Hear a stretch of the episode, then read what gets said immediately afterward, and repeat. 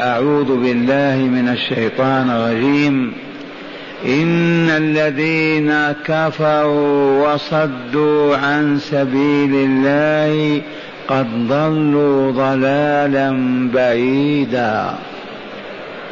إن الذين كفروا وظلموا لم يكن الله ليغفر لهم ولا ليهديهم طريقا. إلا طريق جهنم خالدين فيها أبدا. وكان ذلك على الله يسيرا. يا أيها الناس قد جاءكم الرسول بالحق. قد جاءكم الرسول بالحق من ربكم فآمنوا خيرا لكم. يا أيها الناس قد جاءكم الرسول بالحق من ربكم فآمنوا خيرا لكم وإن تكفروا فإن لله ما في السماوات والأرض وكان الله عليما حكيما. إن الذين كفروا وصدوا عن سبيل الله قد ضلوا ضلالا بعيدا. إن الذين كفروا وظلموا لم يكن الله ليغفر لهم ولا ليهديهم طريقا. إلا طريق جهنم خالدين فيها أبدا. وكان ذلك على الله يسيرا. يا أيها الناس قد جاءكم الرسول بالحق من ربكم فآمنوا خيرا لكم. وإن تكفروا فإن لله ما في السماوات والأرض. وكان الله عليما حكيما.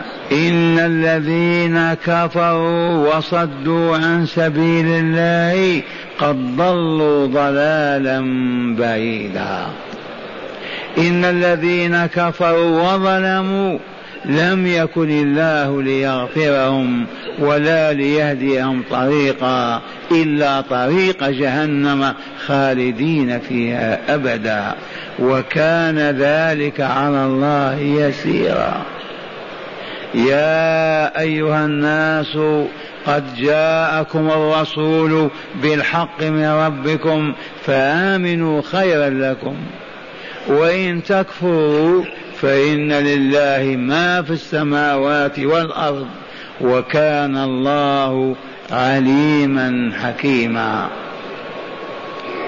معاشر المستمعين والمستمعات من المؤمنين والمؤمنات هذه الأخبار من صاحبها؟ سمعتم بهذه الأخبار ولا لا؟ الأول والثاني والثالث من المخبر؟ إنه الله جل جلاله وعظم سلطانه. الله الذي لو قدرناه حق قدره لما استطعنا أن نتكلم. لكنا نقع على الأرض. ولكن تدبير الله عز وجل. ماذا يخبر تعالى ويؤكد خبره؟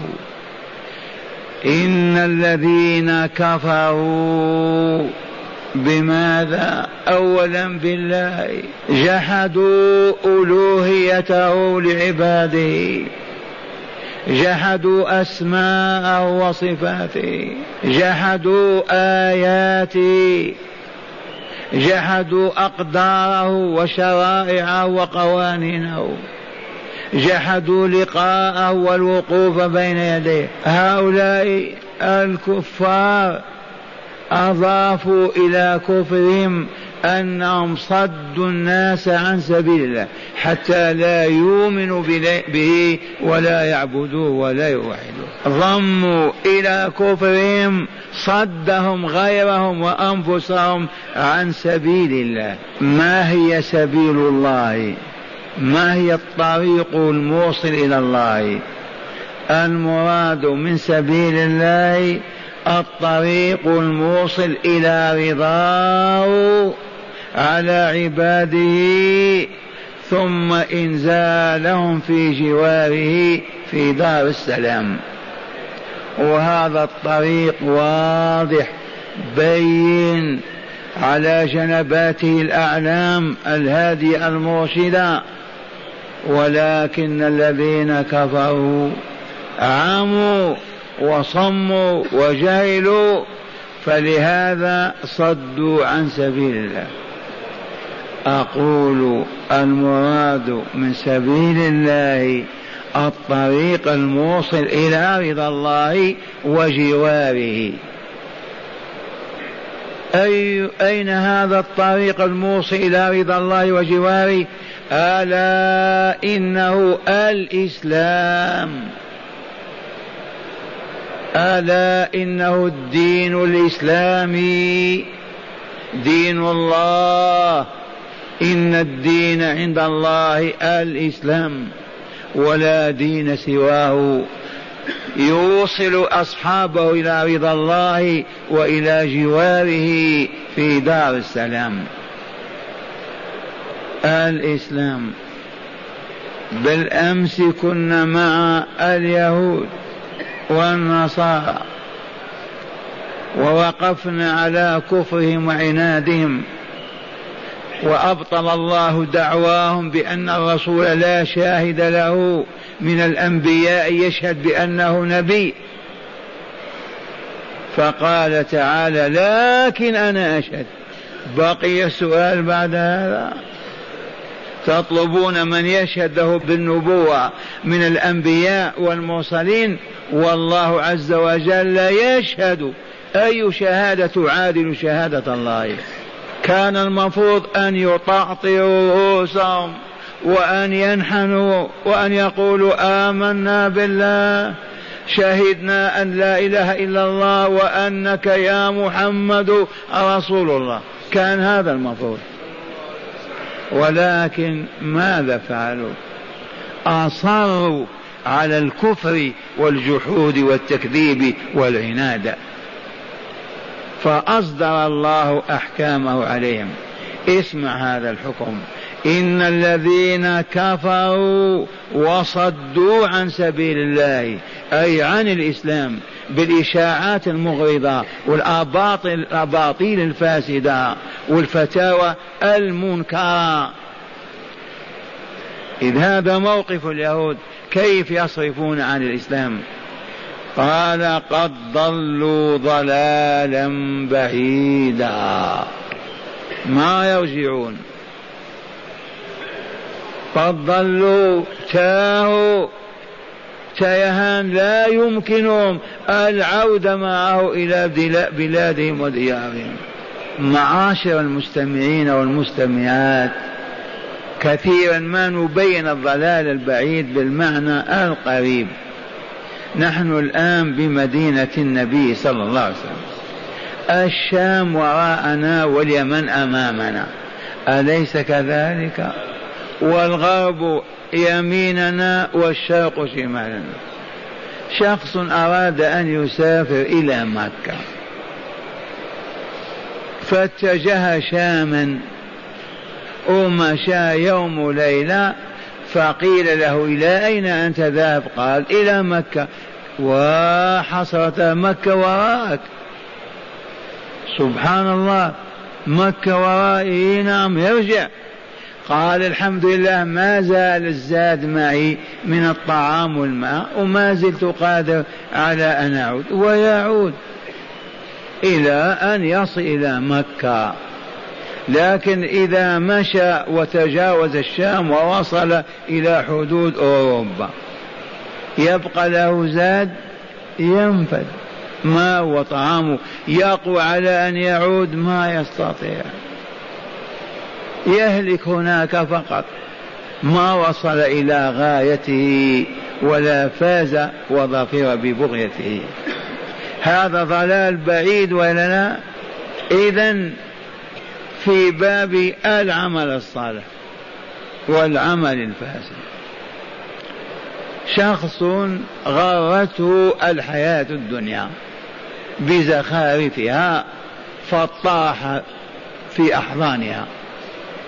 يأكل الربا يزني يغني سنة كاملة وهو في هذه المحنة. ثم سمع نداء الله فوصل إلى قلبه أن يا عبد الله لما أعرضت عنا وانصرفت عنا. ما الذي غرك؟ ما الذي أصابك؟ ألست المؤمن ابن المؤمنين؟ في ديار الإسلام والمسلمين تب إلى الله.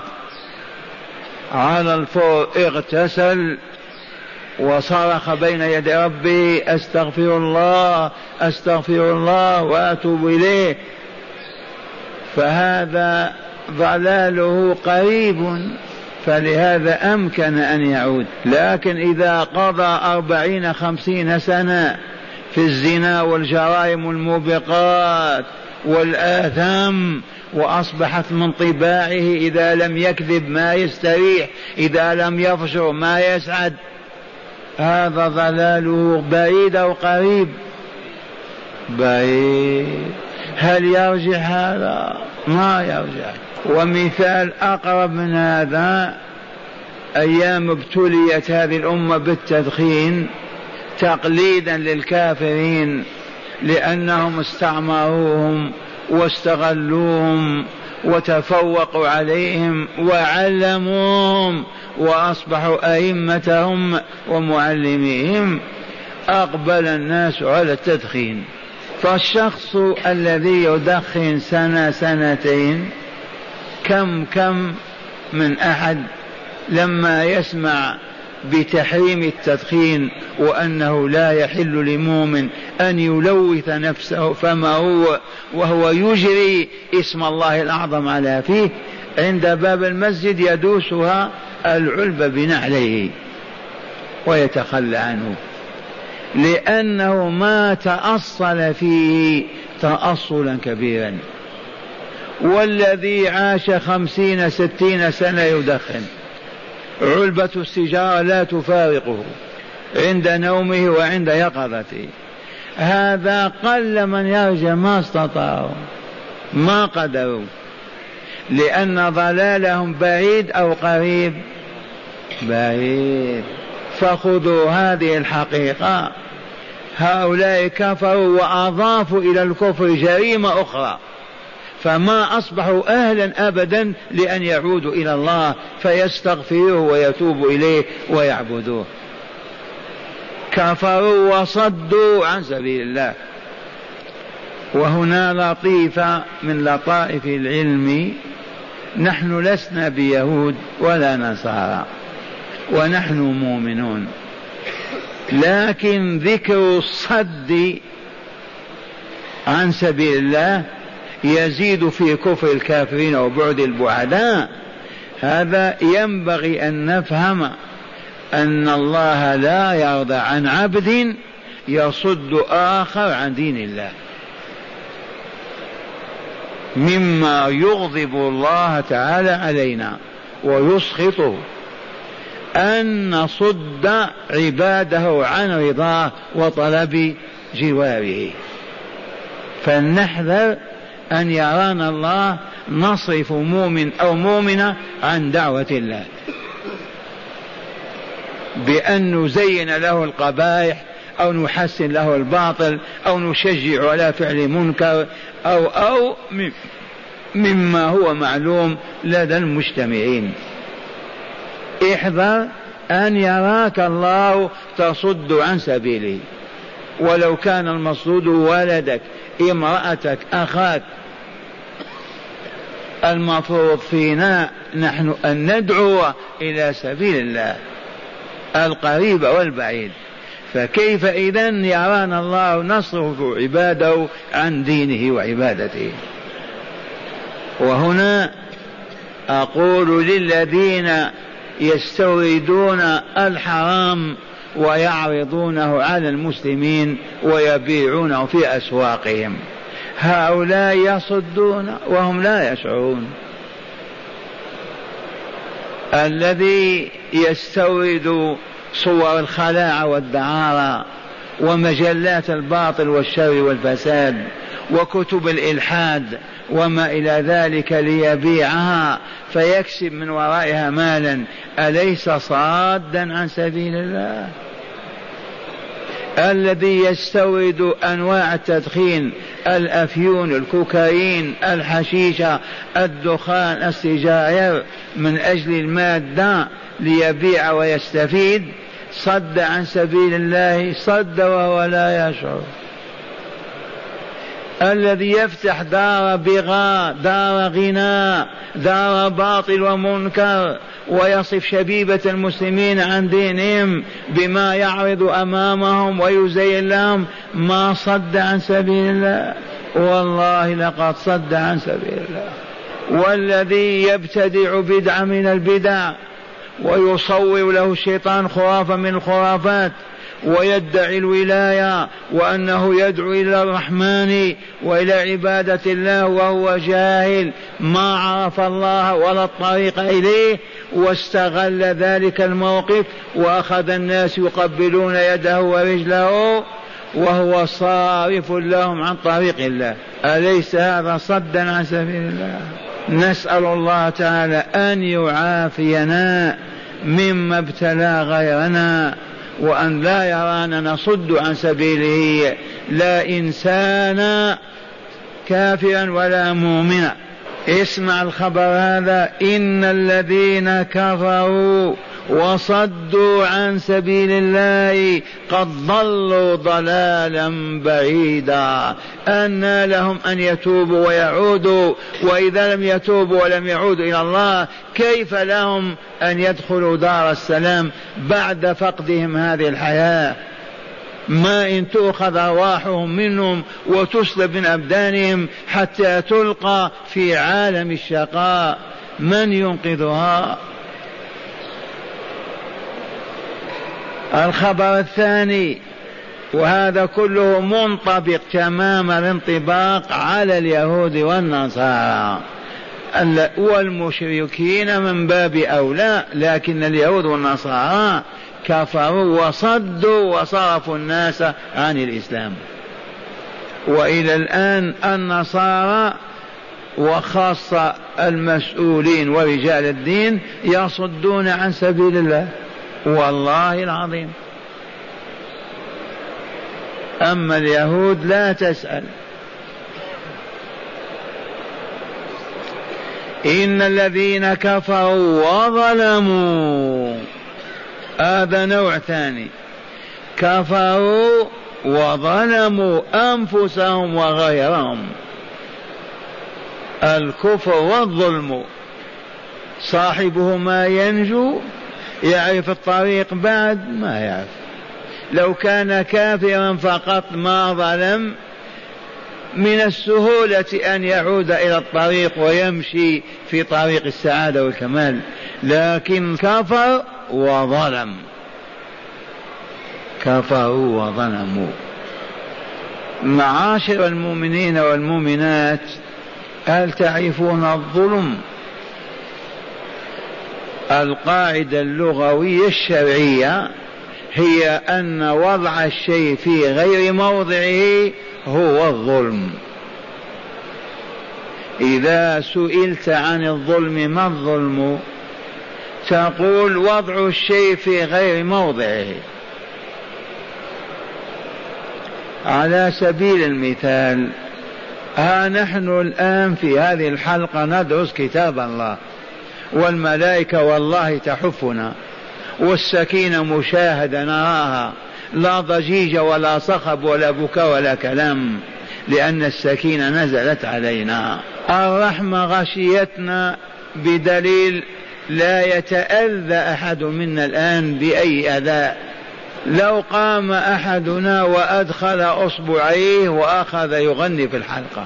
هذا وضع الشيء في غير موضعه ولا لا؟ ظالم. أوضح من هذا يدفع من عن يمينه وشماله الجالسين لطلب الهدى وينام بينهم. هذا ما كان النوم هذا؟ هذا ظلم ولا لا؟ وضع الشيء في غير موضعه. يأتي إلى الشارع ممر المؤمنين والمؤمنات ويضع الحجارة.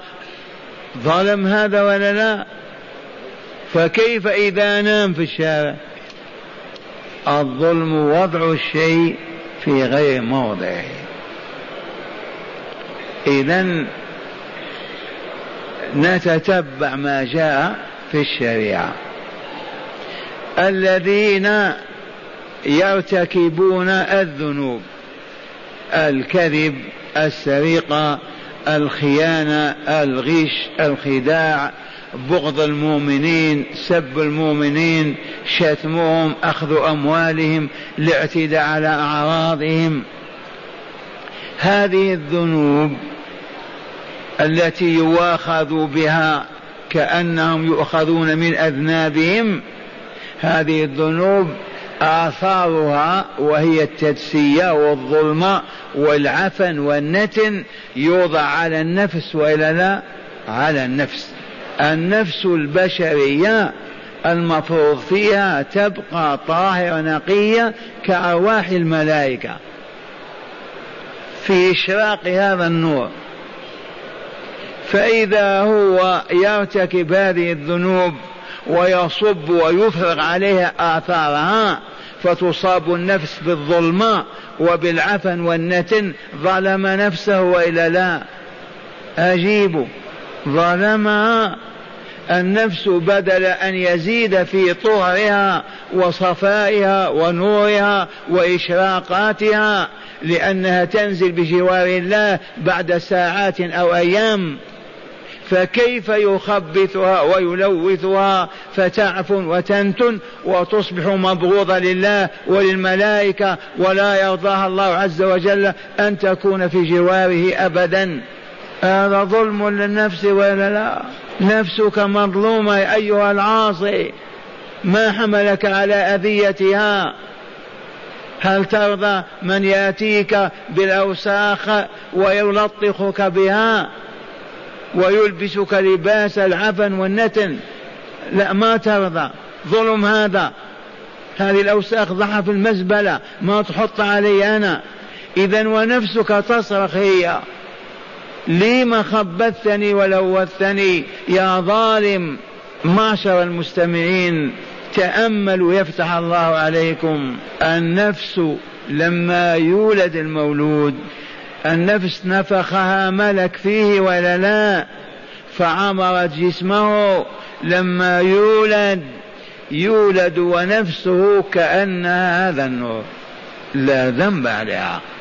لا يعرف خداعا ولا غش ولا ظلم ولا شر ولا فساد أبدا كالملائكة. فإذا ترعرع وكبر وأصبح أهلا لأن يتلقى ما يؤثر على نفسه من خير أو شر. ثم إذا كان عاقلا وبلغ يصبح الإثم يضع نكتة سوداء على قلبه على نفسه فيحجبها عن شيء كثير من الخير والنور. وكلما أذنب ذنبا وقع على ذلك.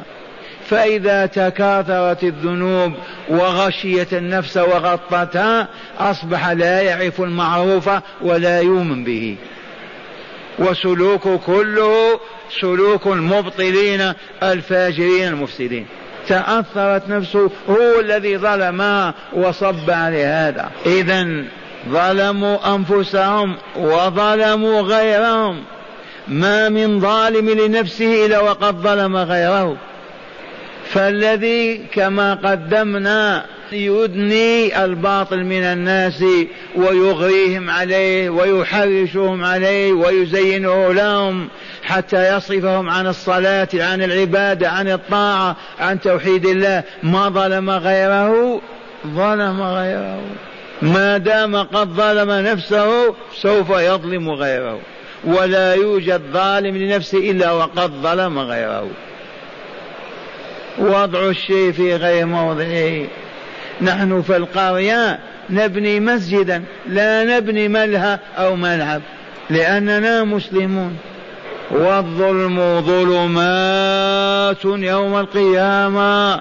اسمعوا هذا البيان النبوي. الظلم ظلمات يوم القيامة. والذي يمشي يوم القيامة في الظلام يدخل الجنة. كيف يمشي؟ إليكم هذه الصورة أو شاشة قرآنية تأملوها من سوره الحديد. يوم يقول المنافقون والمنافقات للذين آمنوا انظرونا نقتبس من نوركم. اذكروا هذا أيها المؤمنون ويا أيتها المؤمنات هذه ساحة فصل القضاء هذه ساحة العدل والقضاء الرباني في عرصات القيامة. يوم يقول المنافقون والمنافقات للذين آمنوا. انظرونا نقتبس من نوركم. كيف هذا؟ لأنهم لما جمعوا في ساحة فصل القضاء القضاء المنافق مع المؤمن الموحد مع المشرك ساحة واحدة. وإذا بالمؤمنين تشرق وجوههم بالأنوار تشرق وجوههم بالأنوار. من آثار هذه العبادات المزكيات للنفوس البشرية. ما إن يراهم المنافقون الكافرون حتى يقولوا انظرونا نقتبس من نوركم. لأن وجه هذا المؤمن كأنه البدر. يقول المنافق الظلم فيه انظر إلي. ماذا يقول لهم المؤمنون؟ قيل ارجعوا وراءكم فالتمسوا نورا. يقال لهم يا معاشر من يعيشون في الظلمة يا من صرخوا من شدة الظلام وما عرفوا كيف يمشون على الصراط. ارجعوا وراءكم فالتمسوا نورا. ارجعوا وراءكم في أي ساحة هم يظنون أنهم يرجعون وراءهم في الأرض التي هم عليها. والمراد عودوا إلى الدنيا واقتبسوا النور منها. أما في هذا اليوم في هذه الحياة لا يطلب النور ولا يقتبس أبدا. وإنما هذا في الدار الدنيا. أقيموا الصلاة وآتوا الزكاة وأمروا بالمعروف ونهوا عن المنكر ووحدوا الله وأخلصوا قلوبكم ووجوهكم له ثم تكتسبون هذه الأنوار. ليست هنا.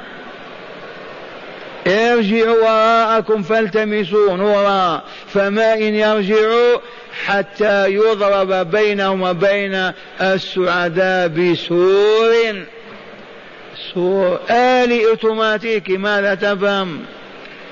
فضرب بينهم بسور له باب باطنه فيه الرحمة وظاهره من قبله العذاب. ينادونهم ألم نكن معكم؟ ألم نكن معكم في المدينة النبوية؟ في مدى البلد كذا؟ قالوا بلى كنتم معنا. ولكنكم فتنتم أنفسكم. فتنتم أنفسكم بالشهوات والأغراض والأهواء وغرتكم الحياة الدنيا. ما عبدتم الله عبادة تزكي النفس وتطهر الروح. وإن عبدتموه تملقا وخوفا فقط لا لوجه الله فتلك العبادة لا تنتج الطاقة النورانية بل هي عبادة باطلة. واضحة هذه الصورة وإلا لا؟ والله لك ما نسمع. الظلم من أنواع وأفظع أنواع الظلم الشرك بالله تعالى. وتأملوا. وحرام على مؤمن أو مؤمنة يسمع هذا الكلام ويعرض عنه. ونبرأ إلى الله أن يكون بيننا هذا. ولكن الغفلة وعدم المبالاة. هذه الحقيقة الظلم أفظع أنواعه وشرها الشرك بالله عز وجل. قولوا لي كيف ذلك؟ بين. أنت الآن لما يمر الشيخ فتمشي وراءه وتسلبه قلمه ظلمته وإلا لا؟ أو ما إن دخل إبراهيم المسجد وترك نعله أخفيت نعله ومشيت ظلمت وإلا لا؟ نظر إليك مؤمن فصفعته على خده. ظلمته وإلا لا إذا العبادات حق الله عز وجل. والا لا العبادات من مالكها من صاحبها. قولوا الله جل جلاله وعظم سلطانه. إذ ما خلق هذا العالم الأرضي وأعده وهيأه للحياة عليه وجاء بآدم وحواه وبارك في نسلهما وتكاثر النسل وكثر البشرية من أجل ماذا؟ والله من أجل أن يعبدوا الله. لا ليحرثوا لله ولا يزرعوا. أقول أعد هذه الحياة بكل ما فيها كنزل كفندق عظيم.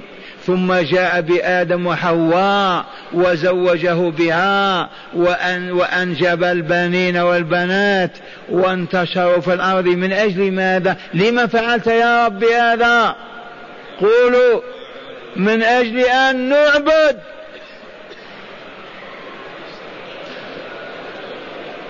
إذا العبادة كلها حق الله. فمن أخذ منها شيئا وأعطاه لغيره ظلم أعظم الظلم. اعتدى على الله. ما هو كاعتداء على فلان أخذت شاته وإلا زنبيله. اذكر عمن اعتديت أنت. عن حق الله. الذي استوجبه بخلق الإنسان ورزقه وتدبيره وخلق الحياة كلها من أجله. الشرك أعظم أنواع الظلم. وهناك في تلك الروضة في مجلس أقدس من هذا وأبرد وإن كنا لنا بعض الشيء منه سألهم النبي صلى الله عليه وسلم لما نزلت سورة الأنعام وفيها وحاجه قومه من هؤلاء الذين حاجوا إبراهيم البابليون. وحاجه قومه قال أتحاجوني في الله وقد هداني. كيف يعقل هذا؟ تريدون أن تصرفوني عن ربي لنكفر به ونجحده كما فعلتم أنتم وهو الذي هداني وعرفت الحق. كيف يمكن هذا منكم؟ ولا أخاف ما تشركون به إلا أن يشاء ربي شيئا. لو كان ما استثنى وما شاء عثر في حجر. ها الآلهة ضربوه. تبهتم وهذا حصل لنا في المدينة. أحد المهاجرين جاء مهاجرا مريض قال والرسول ضربه. لما؟ لأنه ما يدعوه ولا يستغيث به ويمنع الناس من دعائه واستغاثة فالبشرية هي هي. قال لهم إلا أن يشاء ربي وسع ربي كل شيء علما أفلا تتذكرون؟ وكيف أخاف ما أشركتم؟ ولا تخافون أنكم أشركتم بالله ما لم ينزل به سلطانا؟ فأي الفريقين إذن أحق بالأمن أنا أم أنتم؟ الذين أشركوا بربهم وإلى الذي وحد ربه وما أشرك معه غيره. أي الفريقين أحق بالأمن إن كنتم تعلمون؟ الجواب من الله الذين آمنوا ولم يلبسوا إيمانهم بظلم أولئك لهم الأمن وهم مهتدون. الآن أيما عام من أبنائنا فهم هذه يعرف من أحق الناس بالأمن من النار؟ قولوا. الذي آمن وما أشرك بربه. الذين آمنوا أولا ولم يخلطوا إيمانهم بظلم لأن اللبس هو الخلط. الثوب تخلطه مع بدنك. لبسته وإلا لا. آمنوا أولا ولم يلبسوا إيمانهم بظلم. ما الظلم هنا؟ والله إنه للشرك. عبدوا الله ولم يشركوا في عبادة كائن من كان. أبدا. هؤلاء أولئك لهم الأمن وهم مهتدون. فكبرت عن الأصحاب. وقالوا يا رسول الله من ينجو منا إذا ما منا أحد إلا وقد لبس إيمانه بظلم.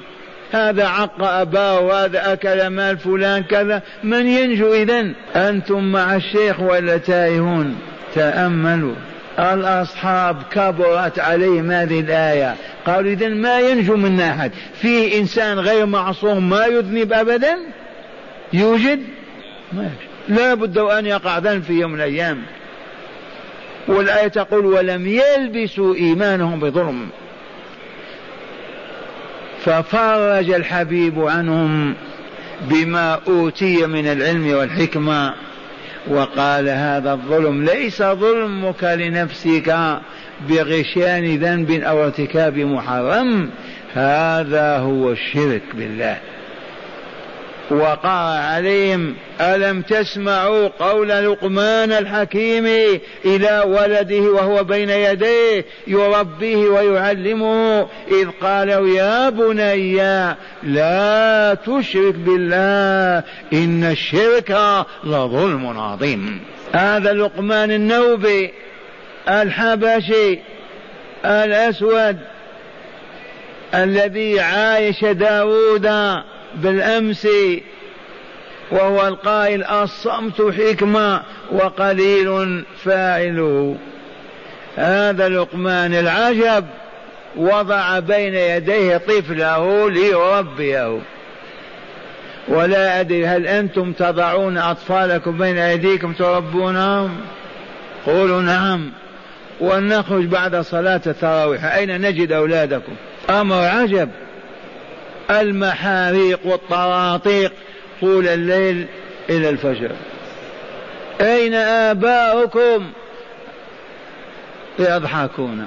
وضع طفله بين يديه يعظه. ما زال يعظه حتى فضت كبده ومات بين يدي أبيه. ولنذكر الآيات الكريمة التي حملت هذا النور الإلهي عن لقمان وإذ قال لقمان لابنه وهو يعظه يا بني لا تشرك بالله إن الشرك لظلم عظيم. يا بني إنها إن تك مثقال حبة من خردل.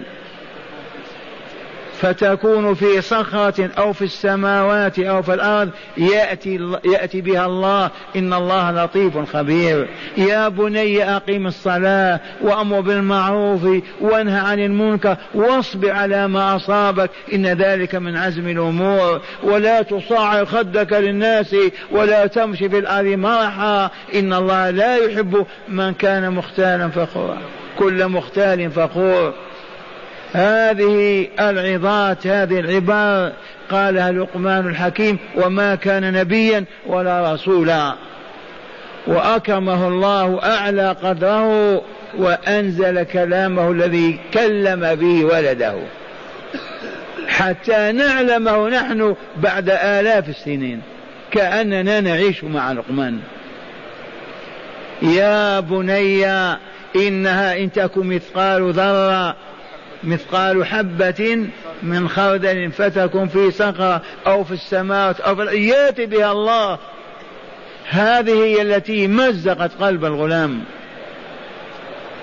والشاهد عندنا في قوله لا تشرك بالله لم يا أبتاه؟ إن الشرك لظلم عظيم. ففرح أصحاب رسول الله وحمدوا الله وصلوا على نبيهم صلى الله عليه وسلم. والشاهد من هذا عرفتم ولا لا؟ نستعرض عليكم ولا تكربوا ولا تحزنوا بعض مظاهر الشرك التي عشناها وعاش آباؤنا وأجدادنا قرونا عديدة اسمعوا. الذي ينادي ميتا يا سيدي فلان يا سيدي فلان وهو ميت منذ كذا عام ويقول اشفع لي أو ادعو الله لي أو أعطني أو كن في جواري. هذا النداء هذا الإقبال بالقلب والوجه واللسان على عبد من عباد الله الموتى والله لمن أعظم الشرك وإنه ظلم عظيم. يترك خالقه واهبه سمعه وبصره الذي بيده حياته ومماته علام الغيوب مالك الملك المحيي المميت لا يناديه وينادي ميتا من الأموات. أي عقل هذا عند صاحب هذا؟ لولا الشيطان زين هذا وحسن والله ما يقدر عليه. هو عاقل. هل تأتي إلى قبر أخيك أو أبيك في المقبرة وتقول يا بني قم أعطني كذا وكذا؟ في عاقل يفعل هذا؟ يضحكون منه. فكيف إذا ينادي ميتا ميتا من ألف سنة وبينه وبين بلاده ألف, ألف كيلومتر ويناديه. وكم وكم نودي عبد القادر الجيلاني يا عبد القادر يا سيدي يا مولى بغداد يا راعي الحمراء يا راكب كذا. في المغرب ينادي كم بين المغرب والعراق ألف كيلو. وكم من سنة؟ ألف سنة. من يوم ما مات عبد القادر. كيف ينادي؟ هل يسمع؟ هل يقدر على أن يعطي؟ آه الله أذن لك قال ادعو. الله يقول ومن يدعو مع الله إلها آخر. ماذا؟ وهكذا. قبل أن توجد هذه الحكومة الربانية القرآنية المحسودة من الإنس والجن الذين يعملون ليل نهار على إبطالها وإحباطها لا أعانهم الله ولا أقدرهم عليها. كنت تأتي إلى الروضة وتسمع نداءات أمتك. يا رسول الله يا أبا فاطمة يا كذا أنا جيت كذا والبكاء. لا. وبين يدي الله ما دعا بربع ما يدعو غير الله. ومن أراد أن يقف يذهب إلى دار عبد القادر في العراق أو إلى البدو في مصر وإلى سيدي مبروك في الجزائر مثلا وإلى محي الدين في الشام. ويشاهد ويسمع. إلى الآن ما سبب هذا؟ الجهل الذي صبه علينا العدو اليهود والنصارى والمجوس. هم الذين حرمونا من العلم وطلبه. أدلل وأبرهن للأبناء والإخوان على الحقيقة هذه وهي أن العدو هو الذي صرفنا عن العلم الذي به نحيا وبه نعرف الله والطريق إليه. أما سبق أن علمتم أن علماءنا منذ أكثر من ثمانمائة سنة يقولون القرآن الكريم تفسيره خطأ إن أصاب. صوابه خطأ وخطأه كفر. أهل المذهب المالكي يراجعون حاشية الحطاب. على خليل يجدون العبارة. تفسير القرآن صوابه خطأ وخطأوا كفر. إذا كيف نفسر كلام الله؟ يجلس الشيخ طوال أيام الشتاء يعلم الناس كيف يتوضؤون ويصلون. فقط. أما آل تفسير لا لا لا, لا. بل إذا قلت قال الله يغلق إصبعيه حتى لا تنزل الصاعقة. كيف يفسر كلام الله؟ والدليل الواضح هل يجتمع المسلمون الآن في عصر النهضة كما يقولون والصحوة على تفسير كلام الله؟ دلوني. كم من مسجد في المدينة إلى الآن؟ إذا صرفونا عن القرآن لنموت. إذا القرآن روح ولا حياة بدون روح. وجاء هذا مبين في سورة النحل وفي سورة غافر وفي سورة الجاثية أو الدخان. في سورة الشورى قال تعالى وكذلك أوحينا إليك روحا من أمرنا. ما الروح الذي أوحاه الله إلى محمد صلى الله عليه وسلم؟ القرآن. إذا القرآن روح. لما سمي روحا؟ لأن الحياة به ولا لا؟ الروح بها الحياة سواء في النملة وإلا في الطائر والعقاب ولا في البقر ولا في الإنسان. الروح هي الحياة وإلا لا؟ القرآن روح. متى فقده الآدمي مات؟ أصبح في عداد الأموات. لا يعي ولا يفهم ولا يأخذ ولا يعطي. مات. إذا وكذلك أوحينا إليك روحا من أمرنا. ما كنت تدري ما الكتاب ولا الإيمان ولكن جعلناه نورا نهدي به من نشاء من عبادنا. القرآن نور وإلا لا؟ إذا ماذا نصنع؟ خذوه من أيدي المسلمين. حاربوا ولا ننسى حرب الصليبيين.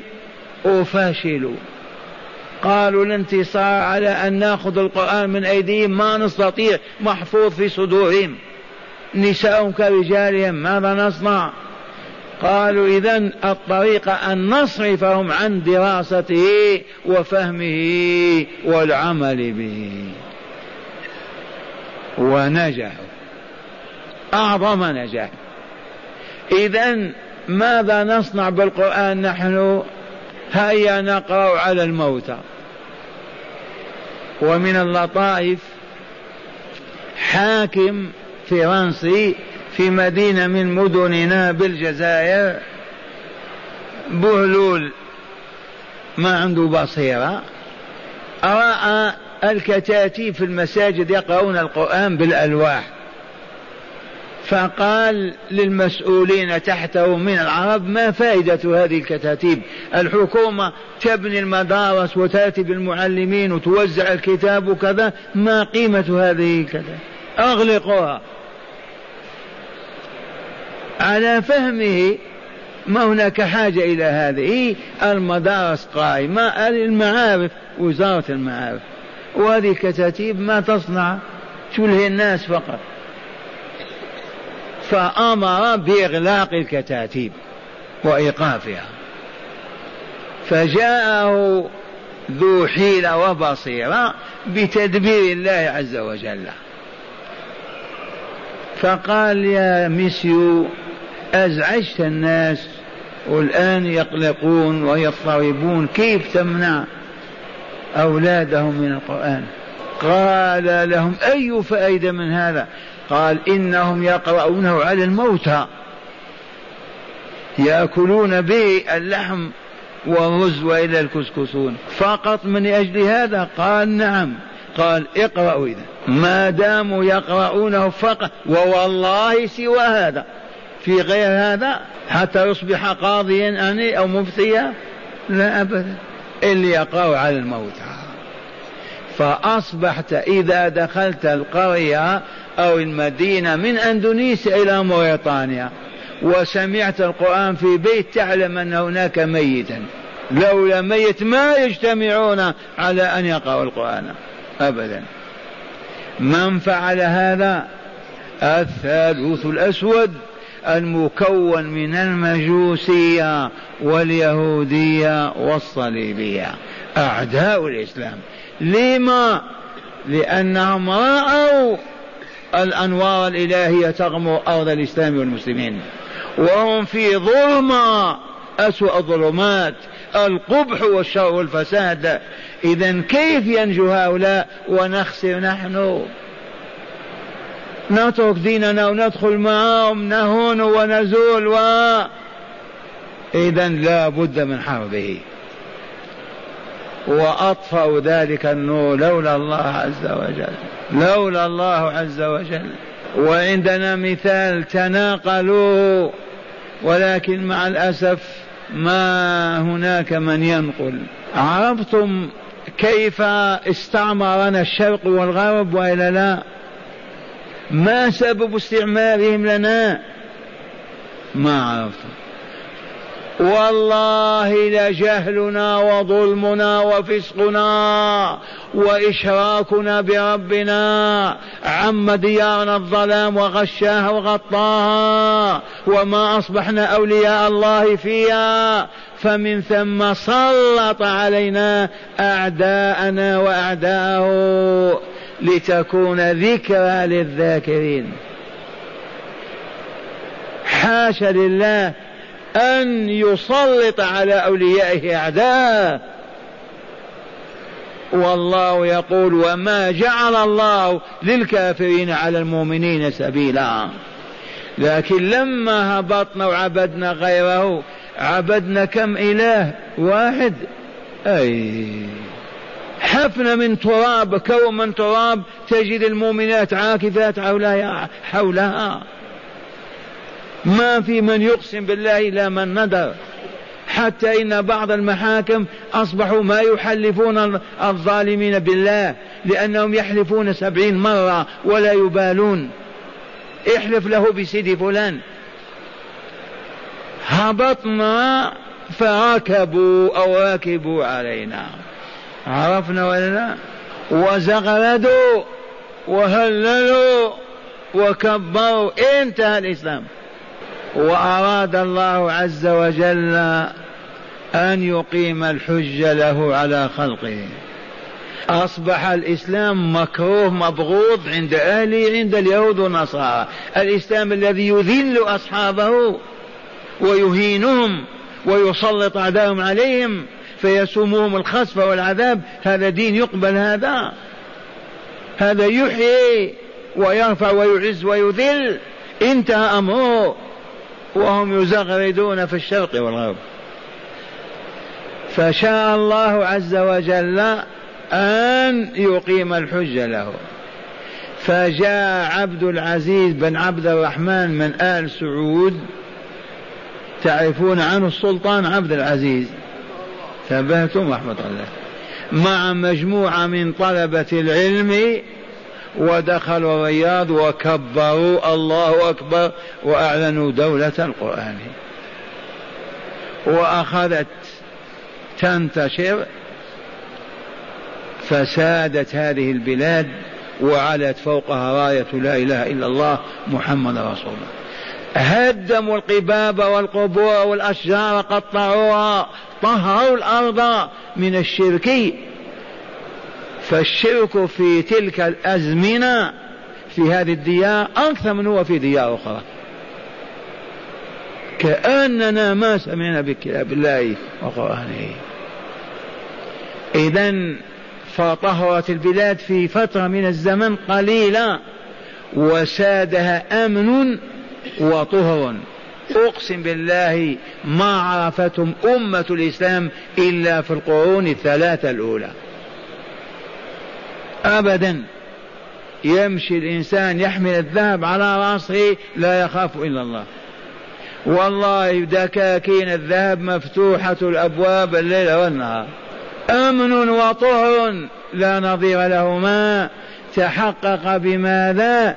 بأن أقام دولته القرآنية على قواعد أربع وضعها الله لإقامة الدولة الإسلامية وهي قوله تعالى من سورة الحج الذين إن مكناهم في الأرض أي حكموا وسادوا. ماذا فعلوا؟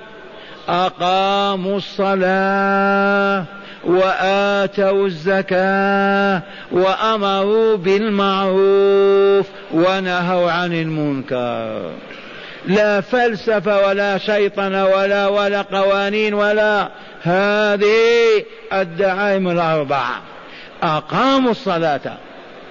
لن تجد سعوديا وطنيا يمشي والصلاة قائمة أبدا. ولن تجد بابا مفتوحا أبدا ولا عمل والصلاة قائمة. القرى وما أكثرها والجهل وما أكثره الإمام يقرأ قائمة بأسماء أهل الحي. من غاب اليوم؟ ما حضر. عرفتم؟ أقيمت الصلاة وجبيت الزكاة وأمر بالمعروف ونهي عن المنكر فظهرت الدولة أشبه ما تكون بدولة الراشدين. وما إن شاهد ذلك العدو من الإنس والجن حتى أخذ يضرب ويحطم ويقول لا إله إلا الله. ويأبى الله إلا أن تظهر حجته. وقامت على البشر واستقل المسلمون في الشرق والغرب ولم تشأ أمة من تلك الأمم أن تقيم دولتها على هذه القواعد الأربعة التي ما قامت عليها دولة إلا سادت وعزت وطابت وطهرت وأمنت. من صرف المسلمين عن هذا؟ أمس كنا تحت إيطاليا والآن استقللنا. لم ما نذهب إلى عبد العزيز ونقول كيف نقيم دولتنا؟ ومرة أخرى وسوف تسمعون هذا يوم القيامة. والله لكان واجب كل إقليم من أندونيسيا إلى موريتانيا يستقل عن فرنسا أو بريطانيا أو دولة أخرى كان يجب عليه أن يأتي إلى السلطان عبد العزيز ويطلب منه قضاة وآمين بمعروف وكيف يطبقون شرع الله فيهم. أقسم بالله. لكن لما كاد العدو ماذا صنع؟ تستقل دويلات حول المملكة وتستقل وتأبى أن تنضم إلى السعودية. حتى لا يؤمر فيها بمعروف ولا ينهى عن منكر. حتى لا تقام فيها صلاة ولا يحرم فيها ما حرم الله. والله ليس إلا هذا. سواء كان من كيد الثالوث وتعليماته أو من جهلنا. ولو عرفنا كما عرفنا الآن أيما إقليم يستقل دولة الإسلام موجودة ولا لا. هذا إقليم منها هذه قطعة منها. ابعث والي عام يطبق شرع الله فينا. ما استقل العالم الإسلامي إلا والدولة الإسلامية قائمة. الخلافة. لكن كل دولة تستقل تعرض عن الله وذكره. لا تأمر بصلاة ولا بجباية زكاة. استعاضوا عن الزكاة الفريضة بالضرائب القاتلة الفادحة. ولا أمر بمعروف ولا نهي عن منكر. كيف نعز كيف نسود وكيف نطهر حتى يرضى الله عنا ويدخلنا دار السلام. عرفتم هذه؟ من فعل بنا هذا؟ العدو. من هو؟ اليهود النصارى المجوس. هيا نخرج منهم ونس ونبتعد عن ساحتهم. هيا نعاكسهم. كل مظاهر البذخ والباطل والشر نتركها. نغيظهم. لكن ما أفقنا بعد. ما زلنا نمشي وراءهم.